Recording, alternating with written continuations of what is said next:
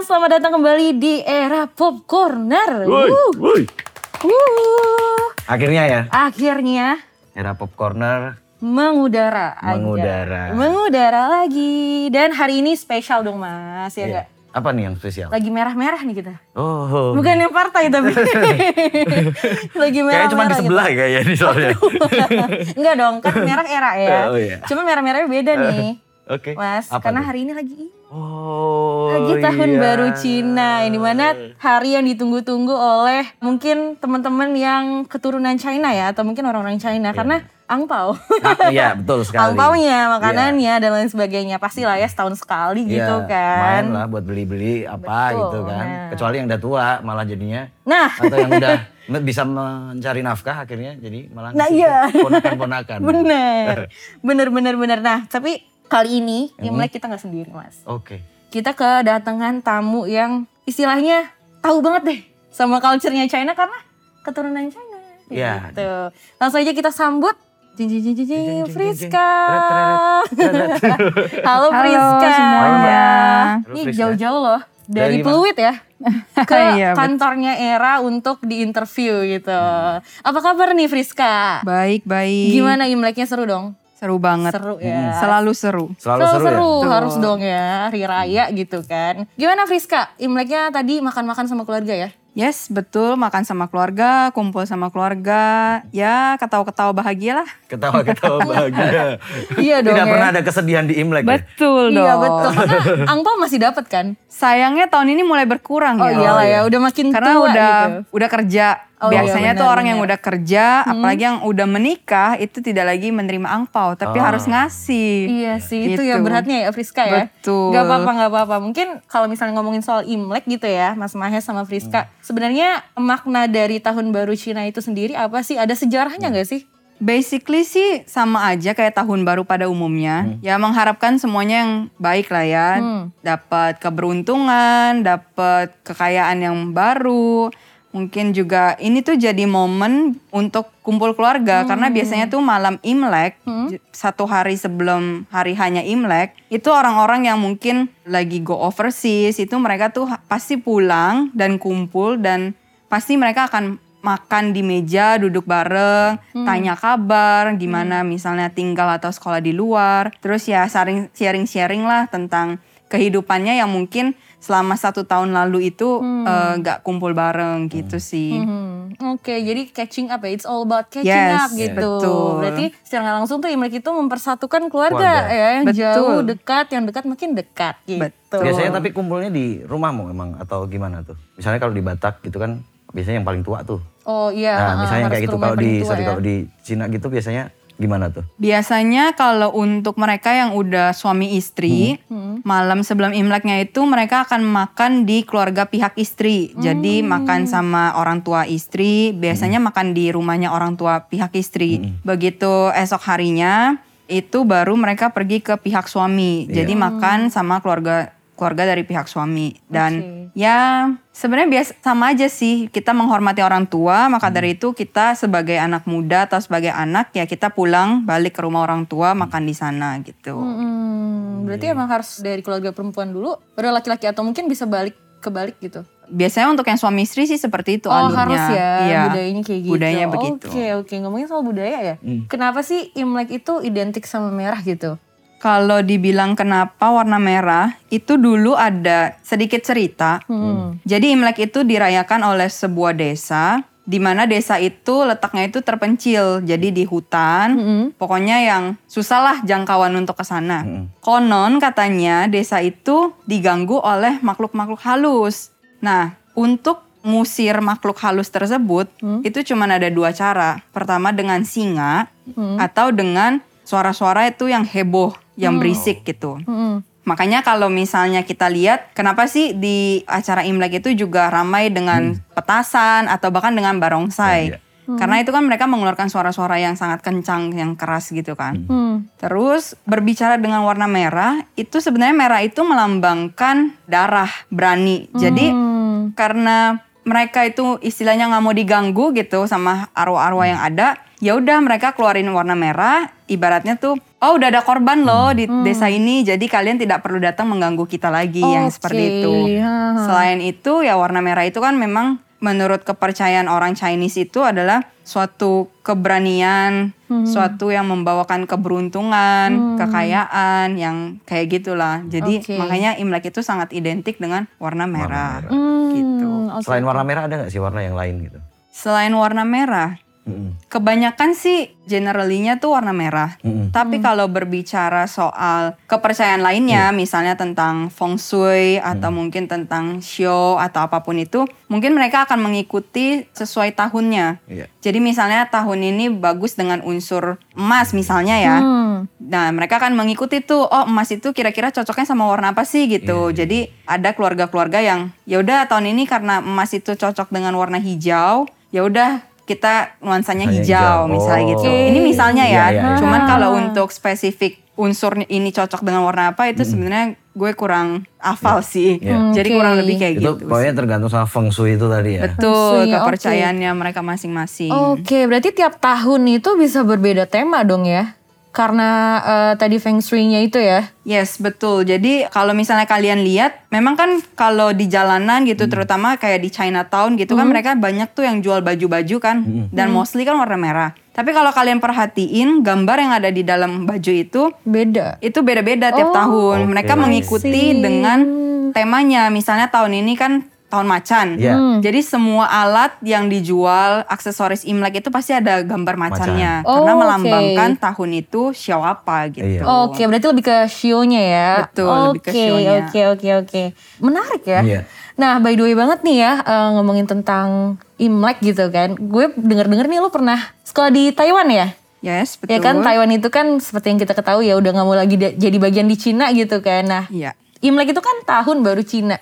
Nah, yang ngebedain Imlek di Taiwan sama di China-nya sendiri itu apa? Apakah di Taiwan tuh masih ada Imlek gitu atau mungkin udah nggak ada?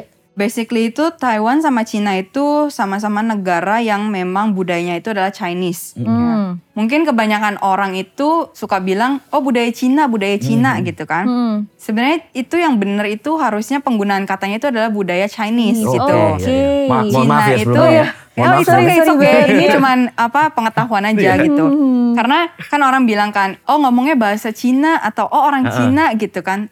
Itu tidak selalu menunjukkan mereka adalah orang yang datang dari mainland China, Oke. dari Chongguo yang kayak gitu kan. Karena sebenarnya basically kalau kita ngomong bahasa, bahasa itu ya yang digunakan adalah bahasa Mandarin. Nggak ada sebutan bahasa Cina, gitu, Oh, tidak ada. Oke, oke, oke. Terus kalau berbicara tentang Imlek, perayaan Imlek khususnya di Taiwan dan di China, mereka itu sebenarnya kurang lebih sama. Tidak ada yang membedakan, since mereka itu kan sama-sama budaya Chinese ya culture-nya. Hmm, oke, oke. Atau yang mungkin kita tahu juga sebutannya dengan budaya Tionghoa seperti itu. Mungkin yang membedakan antara perayaan di sana dengan perayaan di Indonesia itu tentunya membedakan itu adalah kemeriahannya. Kalau di China atau di Taiwan itu pasti semua jalanan itu udah penuh dengan dekorasi-dekorasi Imlek, nuansa Imlek. Dengan lampion merah, dengan misalnya aksesoris angpau atau apa pun lah yang tentang merah. Tapi kalau di Indonesia itu kan untuk orang Chinese itu kan sangat minoritas. Iya. Jadi sangat jarang ditemukan hiasan-hiasan seperti itu kecuali memang kita ke daerah Chinatown Glodok Atau ke mall mungkin atau ya. ke mall Heeh, gitu kan. Jadi ya yang membedakan sebenarnya lebih ke arah kemeriahannya dan hiasan-hiasannya aja sih. Tapi kalau dibilang ada nggak sih spesifik yang membedakan oh di China ada ini, di Taiwan ada ini? Itu nggak ada sih karena mereka itu sama-sama negara yang memang budayanya itu adalah Chinese gitu. Oke, oke. Nah itu berarti tadi kan ngomongin hiasan tuh juga kan. Misalnya ada hiasan yang tidak ada gitu. Misalnya kayak lampion. Itu berkurang nggak sih berkahnya gitu? Itu balik lagi ke kepercayaan pribadinya ya. Hmm. Kalau berbicara masalah aksesoris kayak misalnya lampion atau misalnya petasan atau angpau itu kan memang hal yang umum ya. Karena semua pasti identik dengan itu. Kayak let's say kayak Idul Fitri kan identik dengan ketupak dan bedu kayak gitu kan. Jadi sama aja kayak masalah lampion dan angpau itu. Kalau dibilang apakah itu akan mengurangi keberkahannya atau keuntungannya di tahun itu, itu balik lagi ke bagaimana pribadi itu percaya akan hal itu. Misalnya sedikit menyinggung tentang mitos-mitos ya mungkin yang ada saat perayaan Imlek Iya. gitu. Kan ada yang bilang kalau lagi Imlek khususnya di hari H itu kita nggak boleh nyapu. Iya. Karena itu artinya sama aja kita menyapu kekayaan yang sedang masuk ke rumah kita atau Oke. berkat yang masuk ke rumah kita. Hmm. Nah, kayak gue sendiri, gue sih kurang percaya dengan mitos-mitos seperti itu. Hmm. Jadi kalau dibilang meng- mengurangi nggak sih? Ya tergantung kita gimana percayanya. Kalau kita percaya itu akan berkurang, ya itu akan terjadi berkurang, gitu. iya, benar, Tapi benar, kalau benar, kita nggak percaya dan bodoh amat, ya Ya udah, udah. hidup Iya. akan sama-sama aja kok Oke, gitu lah. Oke, oke, make Iya, sense, iya. make sense. Tapi bener ya, Iya, bener ya. gitu.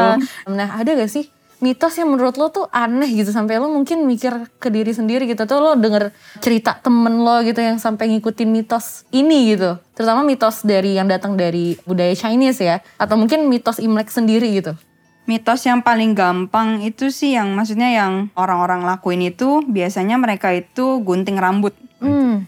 Jadi mereka percaya kalau misalnya ada tanggal-tanggal bagus sebelum Imlek itu harus gunting rambut. Oke. Ibaratnya buang sial. Hmm. Terus yang tadi nggak boleh nyapu rumah di hari H. Hmm. Terus tapi sebelum hari H Imlek itu mereka harus bersih-bersih. Bersih-bersihnya itu nggak cuma sekedar yang nyapu, ngepel, tapi mereka kayak bener-bener bersih-bersih semua rumah lah. Setiap sudut dibersihin, barang-barang yang nggak kepake dibuangin. Karena ibaratnya tuh mereka mau menyambut tahun baru, mereka mau menyambut berkah yang baru. Kalau tempat ini nggak layak ya berkat itu nggak akan masuk, ibaratnya gitu. Terus mereka juga identik dengan memakai barang-barang baru. Kenapa sih orang-orang makanya kalau lagi mau mendekati Imlek gitu ya, mereka pasti akan berbondong-bondong beli baju baru dan segala macam ya. Karena ya itu untuk menyambut tahun baru semuanya itu harus disambut dengan kemeriahan. Gitu sih. Kalau mitos yang paling aneh sih so far belum belum ketemu sih ya. Karena kan gue juga cuek ya sama hal itu ya. Jadi gue juga nggak tahu sih apakah ini mitos atau apa kalau mereka cuman ini oh ya udah cukup sekedar tahu aja Iya, iya, nggak nggak yang mempercayai gimana sih. Oke oke oke oke oke. Berarti sebenarnya tadi banyak banget ya serapan-serapan mitos dari Chinese ya budaya Chinese yang kita ini juga nih yang di Di Indonesia. Indonesia juga melakukan. Ah, melakukan yang kayak potong rambut, buang sial itu juga kan, sama di Indonesia juga ada. Terus kayak model-model yang tadi gak boleh nyapu, tapi kalau di Indonesia tuh lebih ke kalau lo nyapu suami lo bewokan kayak Iya. gitu kan. Itu lebih gak masuk akal lagi kan. Masuk akal lagi gitu. Apa hubungannya gak nyapu dengan Suami- bewokan? Dan sebenarnya kalau suaminya bewokan juga gak masalah kan sih. Malah banyak orang yang, wah mending aku nyapu aja. Siapa tahu pacarku Reza Ardian. Nah, bener itu. Siapa tahu kan.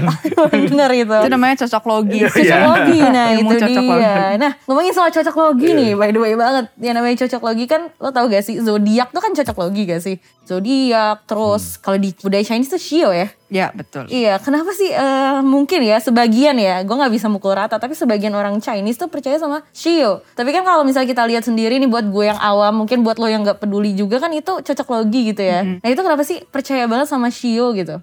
Kalau mau jawab gampangnya, ya kayak kita aja orang Indonesia yang percaya dengan horoskop, ya kan, dengan Iya, bintang betul. yang seperti itu. Dan kalau menurut gue pribadi ya, ketika lu tersugesti atau percaya suatu hal yang mungkin sebenarnya nggak akan terjadi, itu justru akan terjadi di diri lu, yang akhirnya membuat lu tuh bertestimoni, iya, jadi gue meyakini nih kalau misalnya gue percaya sama ini bisa begini, that's why kejadiannya begini gitu. Hmm. Jadi kalau begitu pun sama sama Shio gitu. Ketika kita meyakini dan kita cari tahu misalnya detailnya nih apa yang harus dilakukan, apa yang tidak boleh kayak gitu. Tanpa disadari di bawah alam sadar kita tuh kita udah tersugesti gitu loh. Dengan otomatisnya kita akan melakukan hal-hal yang tersebutkan gitu yang berdasarkan Shio-nya. Dan kalau ngomongin Shio itu sebenarnya itu kan kalau dulu itu belum ada tuh yang namanya bulan Januari, Februari dan Oke. sebagainya kan ada cerita ada suatu perlombaan lah di mana dewa ini tuh mau bikin penanggalan. Hmm. Jadi dia itu kayak ngadain lomba untuk nentuin penanggalan itu dari binatang. Hmm. Makanya kenapa show itu lahir dari awal mulanya ceritanya itu karena dari perlombaan binatang-binatang ini. Hmm. Dan mereka itu kan dulu kan mungkin belum mengenal angka ya, misalnya tahun 1900 sekian apa segala macam. Jadi ya mereka patokannya cuma bilang aja, "Oke, nanti kita di tahun macan kita akan ngadain ini ya, nanti di tahun kerbau kita akan ngadain ini ya dan Oke. sebagainya." Ha, ha, Kayak ha, gitu ha. sih. Dan kalau nggak salah tuh di Shio, kan Shio tuh kan ada 12 ya. Dan Betul. ternyata tuh kalau gue baca ya sesuai dengan sumber yang gue baca tuh sebenarnya ada 13 binatang ya. Betul. Yang satu tuh kucing ya sih yang nggak masuk ya. Yang masuk. Yang nggak masuk ke dalam Shio itu. Nah itu kira-kira kenapa sih? Kalau banyak dari spekulasi orang-orang dan banyak juga nih rumor-rumornya bilang kalau misalnya si kucing ini nggak datang pas lagi lomba yang tadi lo bilang kan perlombaan itu. Ada juga yang bilang kalau misalnya kucing itu di eh, apa namanya isengin sama tikus. Nah itu yang bener yang mana tuh? Kalau yang gue tahu dan sering dikasih tahu waktu gue sekolah di luar itu sih ceritanya lebih ke arah sebenarnya dulu kucing dan tikus itu berteman baik. Hmm. Jadi kan Dewa mau ngadain perlombaan nih. Dia bilang 12 binatang pertama itu yang akan dijadikan patokan penanggalan pada tahun itu. Terus kucing sama tikus itu udah kerjasama. Jadi tikus sama kucing itu bilang besok kita harus bangun pagi nih. Sebelum binatang lain bangun kita udah harus jalan dulu start untuk menyeberangi sungai. Hmm. Singkat cerita, karena kucing dan tikus tidak bisa berenang, akhirnya minta tolong sama kerbau. Hmm. Nah, kerbau itu kan bisa menyeberangi. Karena kerbau itu baik hati, ya udah dia men- eh, kasih tumpangan buat kucing dan tikus. Hmm. Terus pas mereka menyeberangi sungai, ternyata tikus itu agak sedikit licik. Hmm. Jadi walaupun mereka bertiga lagi nyebrangin sungai, tikus itu dorong kucing. Jadi si kucing itu kan jatuh tuh ke sungai. Hmm. Dan ya yang seperti kita tahu kan kucing itu nggak bisa berenang ya. Hmm. Jadi waktu udah mau selesai ke garis finish, Hmm. karena si tikus itu cukup licik, akhirnya dia lompat tuh dari kerbau. Hmm. Lompat, akhirnya dia ngelari duluan ke garis finish. Makanya si tikus itu kan jadi show pertama di dalam 12 show. Hmm. Dan si kucing itu karena nggak bisa berenang ya dia kan cari cara dong untuk menyelamatkan diri. Hmm. Tapi sayangnya dia udah terlambat. Jadi waktu dia udah basah kuyup, udah susah, udah mati-matian untuk selamat dari air. Pas nyampe ke dewa, dewa bilang ya udah slotnya udah penuh nih, 12 binatang udah nyampe duluan. Oke, Makanya oke, kucing nggak masuk ke dalam show dan seperti yang kita tahu kucing sama tikus kan sampai sekarang kayak ribut lah nggak cocok Iya. ya karena itu. Itu sejarahnya dari situ ya? Iya dari situ. Sejarahnya dari situ. Dan itu dipakai di seluruh dunia ya. Kayak Tom and gitu. Jerry Tom pun Jerry. mengikuti itu. Nah itu dia makanya. Oke oke oke oke. Tapi misalnya nih kalau kamu di rumah gitu, ini kita ngomongin tadi feng shui ya. Feng Shui. Karena yang aku tahu feng shui itu misalnya kayak tata letak, tata Betul. apa, hai, kayak gitu. Di rumah juga melakukan hal itu nggak? Enggak. Enggak ya? Karena Enggak sama kita nggak percaya. Jadi kita sama Oh. sekali tidak melakukan itu. Walaupun di rumah kan orang tua ibu ya yang yang ini. Apa ayah ayah ibu atau yang Yang ada keturunan itu. Chinese dari pihak ibu. dari pihak ibu ya? Tapi di waktu lo di Taiwan gitu ya masih percaya gak sekolah lo kan lo pernah di sekolah lama nih ya di Taiwan tuh pas SMA. Betul. Eh, masih percaya gak sama Feng Shui itu ya? Em, cuman melihat aja ada beberapa teman yang mungkin masih percaya khususnya untuk yang punya orang tua itu yang benar-benar Chinese-nya tuh Chinese totok misalnya Iya. yang benar-benar seperti itu. Karena kan pada dasarnya feng shui itu dibilang agama nggak juga sih. Itu hanya sebatas Kepercayaan ya? kepercayaan dan ilmu aja, ilmu Oke. ilmu sains lah bisa dibilang karena Hmm. feng shui itu kan melihat arah mata angin, terus Hmm. melihat unsur, Iya. melihat misalnya barang ini tuh mengandung bahan apa yang seperti itu kan dan Hmm. itu sebenarnya bisa dipelajari oleh Oh. orang awam tanpa harus ibaratnya tanpa harus sekolah kayak keagamaannya Iya, iya, dulu iya. kayak Oke, gitu. oke, oke, oke. Selama dia mau mempelajarinya dan mau menghafalnya itu dia akan bisa karena feng shui itu punya bukunya sendiri Iya. gitu. Oke. Jadi kalau ini ditambah ini hasilnya akan seperti, seperti ini itu. Oh. gitu. Oh, it's all about chemical Iya, gitu iya, ya. iya, iya, chemical Jadi para. Oke, oke, para oke. pengajar feng shui atau para orang-orang yang bisa feng shui itu Hmm. ya karena mereka hafal mati unsur ini tambah ini atau barang ini ketemu ini jadinya Ya. ini gitu. itu paten. Oh, wow. Paten. Baru tahu aku kalau itu adalah paten ternyata. Paten ya, paten. bukan hanya sekedar ngawang-ngawang aja gitu kan. Ternyata Enggak, itu ada Itu ada ilmunya sih, ilmunya ya. gitu. Oke, Ah, berarti menarik. kalau misalnya kayak kenapa misalnya bangku nggak boleh ngadep ke jendela itu mungkin karena misalnya bahan apa gitu yang ada di jendela mungkin bisa kebakar atau, atau mata gimana. arah mata Oh. anginnya tidak sesuai yang kayak gitu sih. Hmm, Oke oke oke oke menarik Nah, ya. Sekarang kita ngomong yang santai-santai aja. Oh, boleh, Dari boleh, tadi ngomongin Imlek. Nah, ngomongin gitu. Shio. Shio, Kita susah ngomongin kan? santai aja. Jadi di Indonesia tuh pasti banyak banget stereotip ya, Iya. Mas ya. Kayak misalnya gue orang Jaktim nih ya. Itu mah biasanya kumuh gitu kan. Atau Jaksel. Orangnya hmm, which is literally gitu Iya. kan. Nah, nah ini ada lagi nih satu stereotip yang rame gitu Iya. di media sosial ya. Cindo. Nah, kalau udah ngomong Cindo tuh pasti di kepala orang kayak, oh kayak nih. Nah, bisa gak sih lo ngejelasin apakah stereotype itu tuh sebenarnya ada gak sih? Maksudnya kayak emang bener gak sih? Lo kan lahir dari keluarga yang deket sama orang-orang Chinese kan. Pasti lo punya temen banyak Cindo dong ya kan. Nah itu bener gak sih?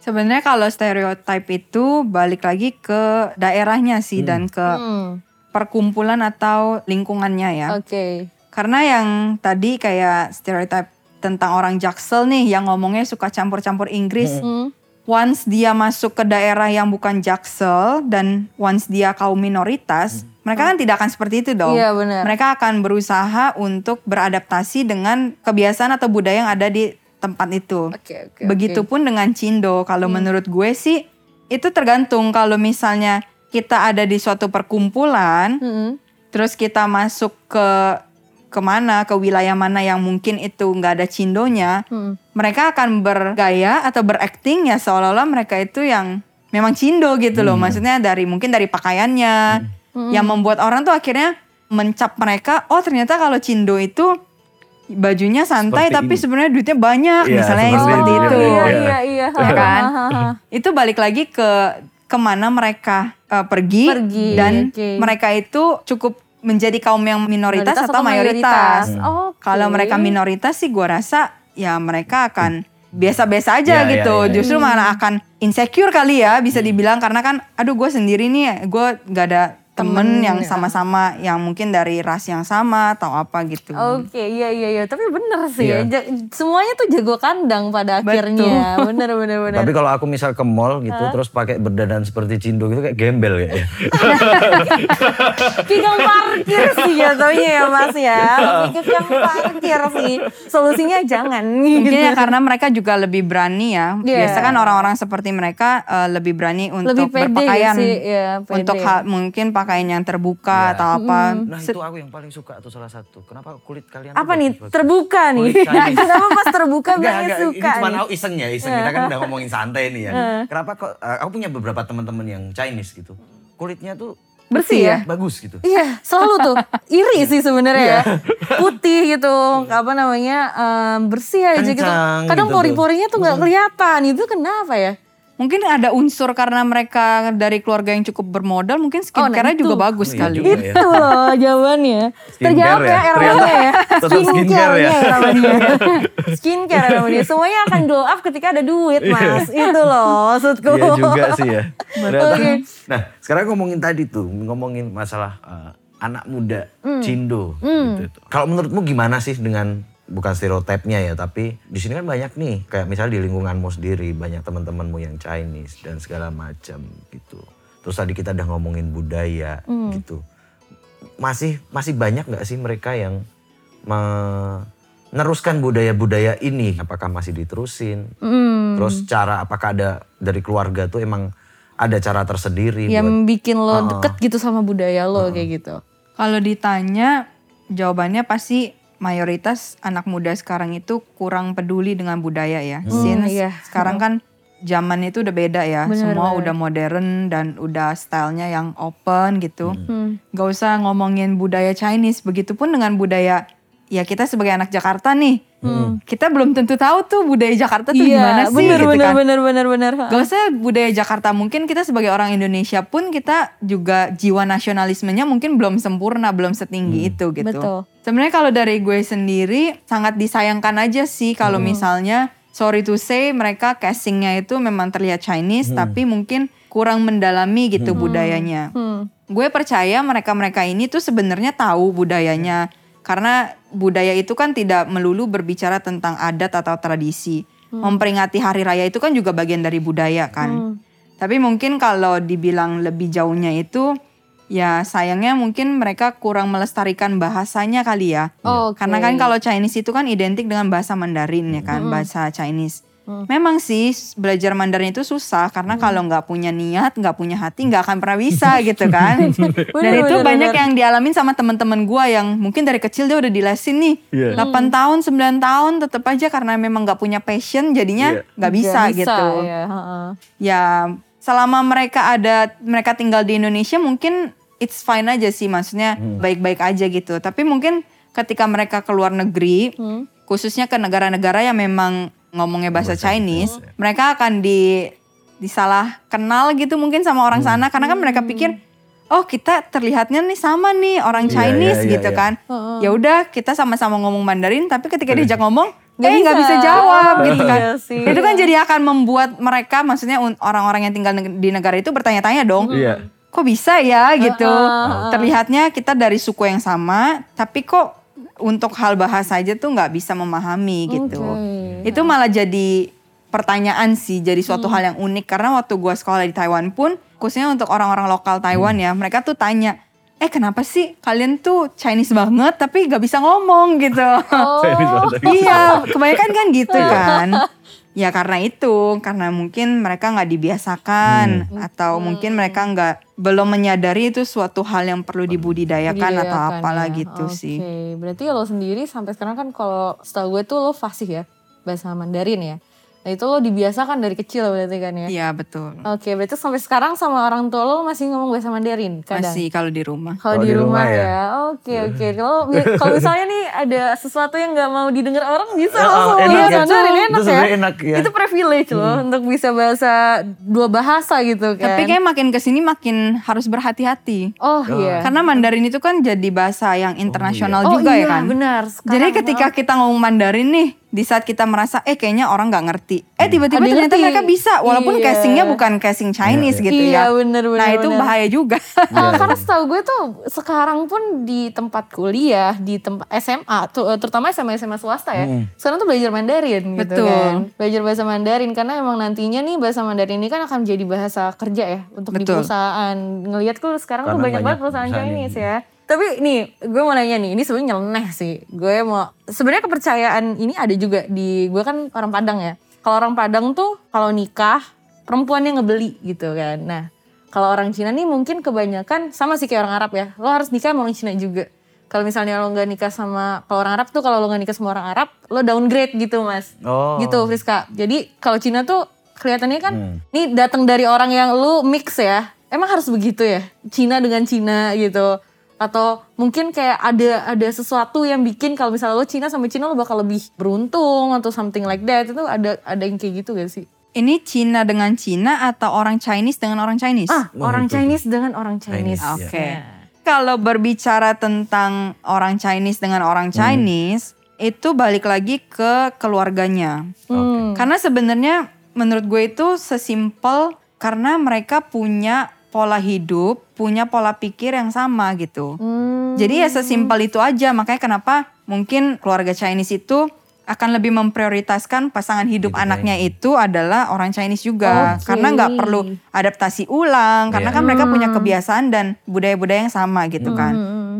Karena akan sangat sulit kalau misalnya keluarga Chinese yang sangat mempercayai budayanya menikah dengan orang Indonesia, let's say orang Batak atau Hmm. orang Padang yang percaya juga sama budayanya. Oke. Artinya kan kuat sama Iya, kuat iya. nih. Mentok ya. sih, iya. Jadi siapa yang harus ngalah gitu Iya, sama-sama mentok, mentok. memperjuangkannya oke. kan. Jadi Bener, ya bener, menurut gue sesimpel itu aja sih masalah budaya, pola pikir dan lifestyle-nya lah gitu. Lifestyle ya ya ya. Hmm. Tapi emang ada nggak sih maksudnya misalnya yang orang Chinese beneran gitu ngomongin tadi kan pernikahan gitu. Ada nggak budaya yang emang tidak boleh dilanggar? Oh iya. Tidak boleh apa pun itu dilanggar, lo mau apa pun itu. Hmm. mau lo orang Kristen Islam gitu. Ada gak yang gak boleh dilanggar gitu?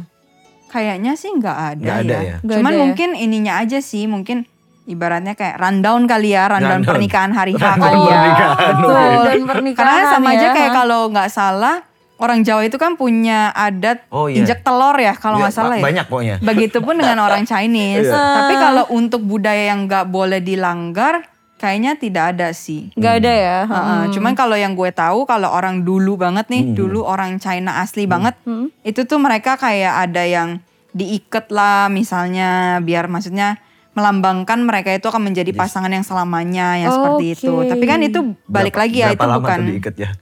eh, kurang tahu sih. Maksudnya kalau kayak eh, kayak Jawa gitu ada yang nggak boleh ketemu sama Oh, calonnya. pingit-pingit ya. dipingit. Oh, dipingit. Ah, Ya. maksudnya aku penasaran juga diikatnya. Nggak maksudnya nggak sampai hari kan? Enggak, maksudnya ikatnya itu bukan ikat Oh, badan bukan ya. secara literally Jadi, ya? Bukan, bukan literally diikat Visual ya, gitu. Aku bayangannya udah kayak gitu. Bukan, bukan. Diikat. gitu loh. Enggak, jadi kayak mereka itu harus punya kayak Perjanjian. punya miniatur. Oh. Jadi kayak misalnya boneka atau ukiran Iya. yang melambangkan mereka berdua, terus diikat tali merah. Ya lucu yang banget harus ya, mereka simpen selamanya iya, itu iya. untuk menandakan supaya mereka langgeng ibaratnya gitu. Oh, Lucu juga tapi. lucu ya. Iya, Mungkin ada inspirasi nih. Lucu nih. Boleh juga nih. Cuma nih, eh, ini mungkin lebih ke ini ya, lebih ke agak berat sih. Mungkin lo Hmm. ada gak sih yang pengen lo omongin nih? Sekarang kan lo kan sebagai istilahnya minoritas ya. Semua pun di. Indonesia kalau yang minoritas itu pasti perlaku diperlakukan tidak baik gitu kan. Ada gak sih yang pengen lo omongin gitu ke mungkin di sini Ramania gitu ya. Sebenarnya eh, orang Chinese tuh nggak kayak gini loh gitu. Mungkin nggak belum kepikiran, tapi mungkin ya ini pengalaman gue aja ya, karena Hmm. kan gue keturunan Chinese, tapi gue juga orang Indo gitu. Ini gue lebih sharing ke apa yang gue rasain kali ya. Boleh, boleh banget, boleh Karena sebenarnya gini, kalau misalnya buat kalian yang ngelihat gua gitu, kalau dibilang Chinese banget nggak juga, Hmm, karena gue tidak memiliki kulit yang putih, yang kenceng misalnya gitu ya, yang mungkin matanya sipit atau apa pun itu. Karena kan yang tadi udah sempet disinggung juga, ada keturunan campur juga kan. Jadi keluarga gue itu dari pihak bokap itu mereka Jawa, tapi kalau dari pihak nyokap itu lebih ke Kalimantan Pontianak gitulah. Jadilah anaknya mix max gini gitu. Kalau lihat dari kulit ya kayak orang Jawa karena hmm, sawo gitu ya, sawo matang gitu ya. Tapi kalau dilihat dari mata ya mungkin ada Chinese-nya juga gitu, ada keturunan Chinese. Jadi kadang gue suka bingung gitu loh. Misalnya gue di lingkungan yang orang lokal, misalnya orang Jakarta atau apa, gue tidak sepenuhnya dianggap orang mereka. Tapi ketika gue ada di kumpulan orang Chinese semua, gue juga tidak dianggap sebagai orang Chinese gitu. Oh, Maksudnya jadi oh tidak dilema Iya, iya, iya. anak Iya mix ya. betul. Jadinya kayak bingung. Aduh, gue jadi mana nih gitu. Oke, Tapi oke. itu bukan suatu hal yang bikin gue jadi nggak pede untuk pede bergaul apa Ah, enggak ah, sih. ah. Cuman itu malah menurut gue jadi suatu hal yang unik sih karena Hmm. Ya gue bisa di kalangan apa aja gitu kan ibaratnya karena kan sama-sama punya keturunan dari kedua belah pihak kan. Maksudnya dari kaum minoritas iya, dari kaum mayor- mayoritas Mayoritas juga iya. iya gitu. Terus kalau dibilang ada nggak sih yang mau disampaikan? Em, so far sih semuanya baik-baik aja ya. Hmm. Menurut gua itu lebih ke arah gimana kita membawa diri saat kita bergaul gitu. Hmm. Karena ketika lu nggak mau jadi kaum minoritas, ya lu harus tunjukkan ke mereka lu bisa beradaptasi dengan mereka dan tidak menjadi orang yang sok eksklusif gitu. Oke, yang oke, membuat oke. kita jadi dipandang berbeda dari orang mungkin dari orang lokal itu kan karena mungkin mereka bilang ah dia mah eksklusif banget udah deh kita nggak mau temenan atau apa gitu Oke, kan. oke. Jadi menurut gue ya itu balik lagi Hmm. gitu ke gimana pembawaan diri kita sih Iya. di suatu lingkungan atau di suatu komunitas gitu. Kan? Benar benar, tapi iya loh, serius loh, itu em, mempengaruhi banget ya. Iya, Apalagi kalau misalnya eh, nggak usah jauh-jauh sih kayak rantau gitu kan, gimana caranya lo ngebawa diri lo kan. Aduh, aku rantau lagi. Oh iya bener kan, buktinya bisa gak? Bisa-bisa aja. Bisa ya? Kayaknya ya. Dari dulu tapi aku bisa orang tua aku juga orang yang kayak gitu maksudnya malah disuruh nyoba sekali deh jadi minoritas gitu. Iya. Makanya aku juga di Jakarta pun juga lebih suka kumpul malah sama teman-teman yang maksudnya kalau bisa jangan sama teman-teman Jogja lah. Oh iya. gitu kayak gitu maksudnya. Iya benar. Ketemu ini lagi, ini lagi. Nah, ini ngomongin soal tadi ya, banyak banget nih kalau orang-orang yang casingnya Chinese nih, tapi nggak bisa bahasa Mandarin. Mandarin. Nah, lo ada gak sih apa eh, pesan gitu buat mereka kayak, ayo dong belajar bahasa Mandarin, ini kan budaya eh, yang harus dilestarikan kayak gitu. Ada gak pesan buat mereka? Pesan buat mereka, walaupun mungkin nggak bisa bahasanya, Hmm. tapi setidaknya punya pengetahuan lah gitu. Ngerti. Oke, ngerti lah ya, at least ngerti lah ya. Karena memang gua akuin Mandarin itu nggak gampang. Again, Mandarin itu nggak gampang. Mau maksa satu orang untuk belajar Mandarin itu sangat susah. Susah. Ha-ha. Ujung-ujungnya kita akan capek sendiri nyuruh dia belajar ya kan. Itu harus dari hati dan dari passion. Nah kalau untuk hal lainnya ya setidaknya nih kita sebagai orang yang mungkin punya keturunan Chinese. Setidaknya kita sedikit mengerti lah gitu budayanya gitu.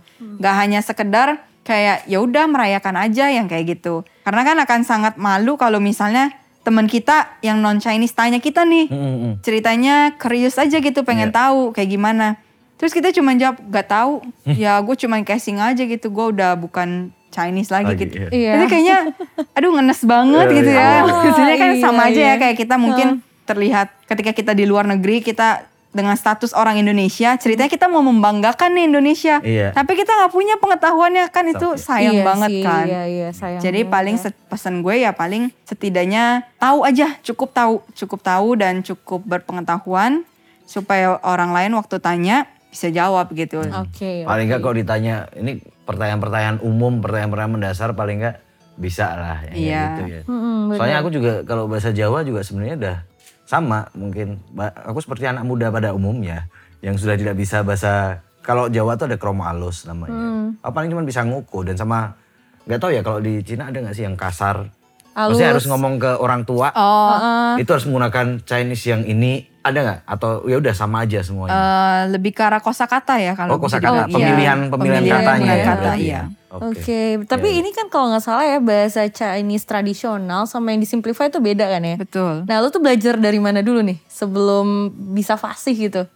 Awalnya gue dari kecil itu belajarnya simplified karena memang di Indonesia itu mayoritas bahasa Mandarinnya itu kan simplified ya. Atau yang kita kenal itu bahasa Mandarinnya negara China. Mm-mm. Terus ketika gue SMA baru gue mendalami bahasa Mandarin tradisional. Tradisional, oke. Karena bahasa Mandarin tradisional itu cuman ada di Taiwan dan beberapa wilayah di daerah Hong Kong Oke. kalau nggak salah. Heeh. Jadi ya memang lebih sulit, tapi orang kan punya mindset itu ketika lu belajar yang sulit, yang gampang pun akan piece of cake lah gitu Iya, ya, benar-benar. gampang gitu kan. Jadi itu menjadi alasan kenapa sih gue memilih Taiwan untuk tempat untuk belajar daripada memilih di China gitu. Hmm, ya, ya. Oke oke oke. Menarik ya. Perjalanannya panjang juga untuk fasih ya. Oke oke. Nah ini dia nih sebenarnya sih ya. Ini yang jadi pelajaran untuk kita semua untuk Iya. embrace your culture ya.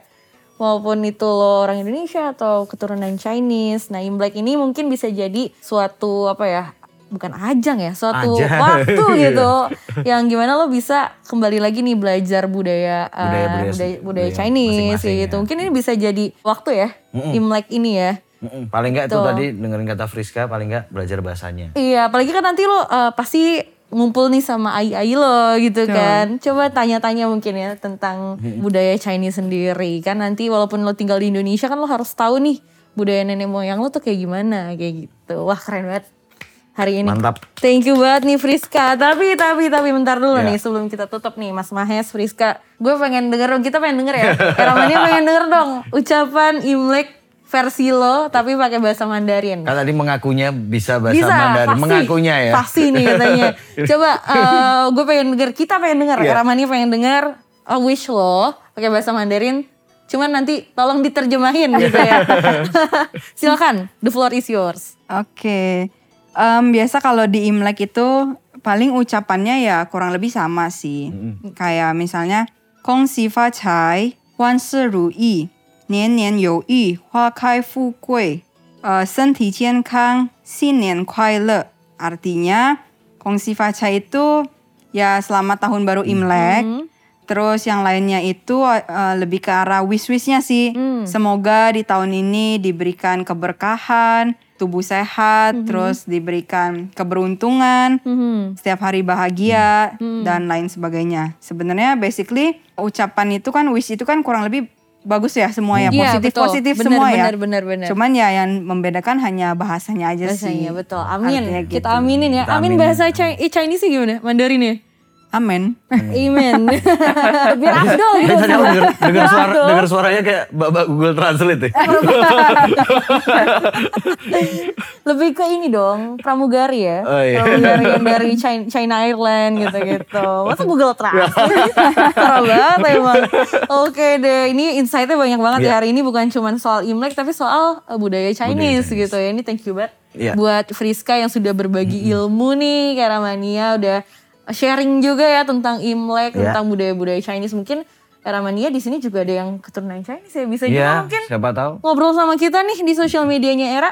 Ya mau nambah-nambah misalnya soal-soal budaya-budaya di Cina yang belum tadi disebut. Iya, budaya benar. Chinese yang belum disebutkan Atau oleh- mitos, Oh, mungkin. mitos yang belum Ah. disebutkan oleh Friska. Betul. Bisa di sosial medianya Era di era.id. Instagram, Facebook, Twitter. Twitter, Apalagi? YouTube, TikTok. TikTok. Halo, mau Nah, mau apa? mau Kamu pilih mana? tinggal pilih mana? Ada. Ada.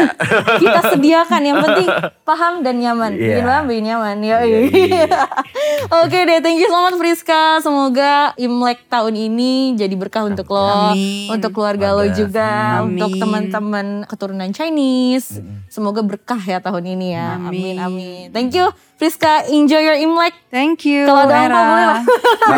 Kita menerima segala bentuk angpau. Nah, ini by the way banget nih sebelum menutup ya, nanti Iya. ki- kita akan ngeluarin cara tips cara gimana dapetin angpau walaupun lo bukan orang Chinese. bukan orang Chinese. Jadi pantengin terus ya Iya. podcastnya Era. Oke, akhir kata Mas Mahes ada Ya, yang mau diomongin? Nggak ada. Nggak, aku suka bercanda cuman maksudnya. Ya mungkin jangan lupa untuk dengerin selalu karena uh, setiap hari kita emang ada Tudes Onira. Yes. Itu yang paling penting tuh jangan lupa setiap hari dengerin Tudes Onira. Yeah. Tiga berita penting di hari, hari itu. itu, Jadi yes. daripada kamu nyari ngubek-ngubek media-media apa Sosial, ya? sosial atau apa. Eh tapi jangan gitu, ntar gak ke media bukan sosial bukan Era media dong. sosial era, media sosial orang Oh lain. iya, Eh, paling, paling kredibel ya. Media sosial orang lain. Oke, oke, Daripada oke. media sosialku apalagi gak ada isinya. Dah loh. Oke deh. Kayak gitu. Jadi Ha. mending itu udah dikumpulin enak banget kan tinggal dengerin. Mm-mm, betul. Jadi thank you so much for listening Era Mania. Ya. Pantengin kita terus di EPC selanjutnya karena makin banyak nih episode-episode Iya. menarik lainnya Iya. yang pastinya fulfilling dan dengan narasumber yang oke dan Oke. kece. Oke, akhir kata. Akhir kata. Era Mania. Bye-bye, Oke. Era Mania. Bye Era Mania.